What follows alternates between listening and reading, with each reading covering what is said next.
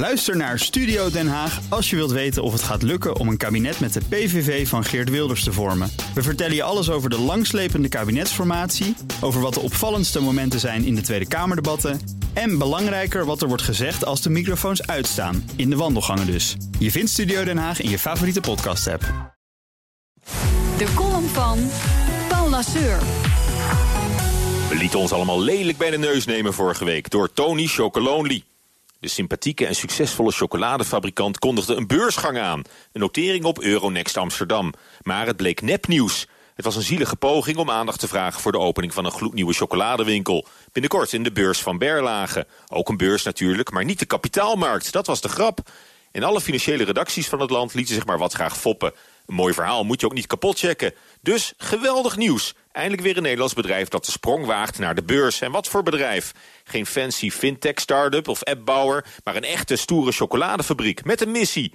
En met 50% groei per jaar. In zeven landen actief. Willy Wonka in de polder. Een sprookje. Bijna te mooi om waar te zijn.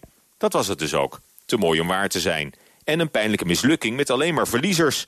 Want journalisten die eerder hadden staan juichen over de beursgang... stonden nu plotseling in hun hemd.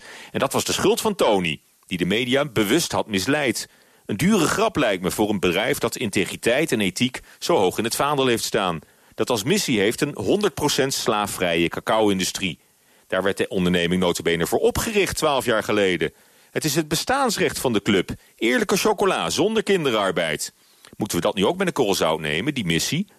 De gouden reclameregel dat alle publiciteit goede publiciteit is... slechte publiciteit bestaat niet, gaat in dit geval niet op. Een eerlijke onderneming kan zich nu eenmaal geen foute grappen permitteren. Want hoe ver is Tony Chocolonely nu helemaal gevorderd... met het slaafvrij maken van een chocola? De oorspronkelijke belofte van het merk was 100% slaafvrij. Maar die leus werd al snel gewijzigd in... op weg naar 100% slaafvrij... In Ghana en Ivoorkust bleken twee jaar geleden nog meer dan 2 miljoen kinderen mee te werken aan de cacaoproductie, vaak onder dwang. Nu wil ik geen twijfel zaaien hoor over de goede bedoelingen van Tony Chocolonely. Maar ja, de weg naar de hel is ermee geplaveid met goede bedoelingen. En na 12 jaar mag je toch wel enig tastbaar resultaat verwachten. Maar nee, Tony Chocolonely kan nog steeds niet garanderen dat de hele productieketen volledig slaafvrij is. Toch zijn de repen van Tony een waanzinnig succes. Je ziet ze overal, in alle vormen en smaken. Eens te meer blijkt idealisme een fantastisch businessmodel. Zakelijk gezien is het maar goed dat nog altijd kinderen worden uitgebuit in de wereld. Het is een gat in de markt voor ondernemingen met een missie. Ook in koffie en kleding trouwens. Talent wil graag voor je werken en met een goed verhaal over eerlijke producten druk je feilloos op de koopknop in de hersenen van de hippe consument. Want wie wil dat nu niet? De wereld een beetje mooier maken door het eten van chocola. Prettige maandag! De column van Paul Lasseur lees en luister je terug op bnr.nl en in de BNR-app.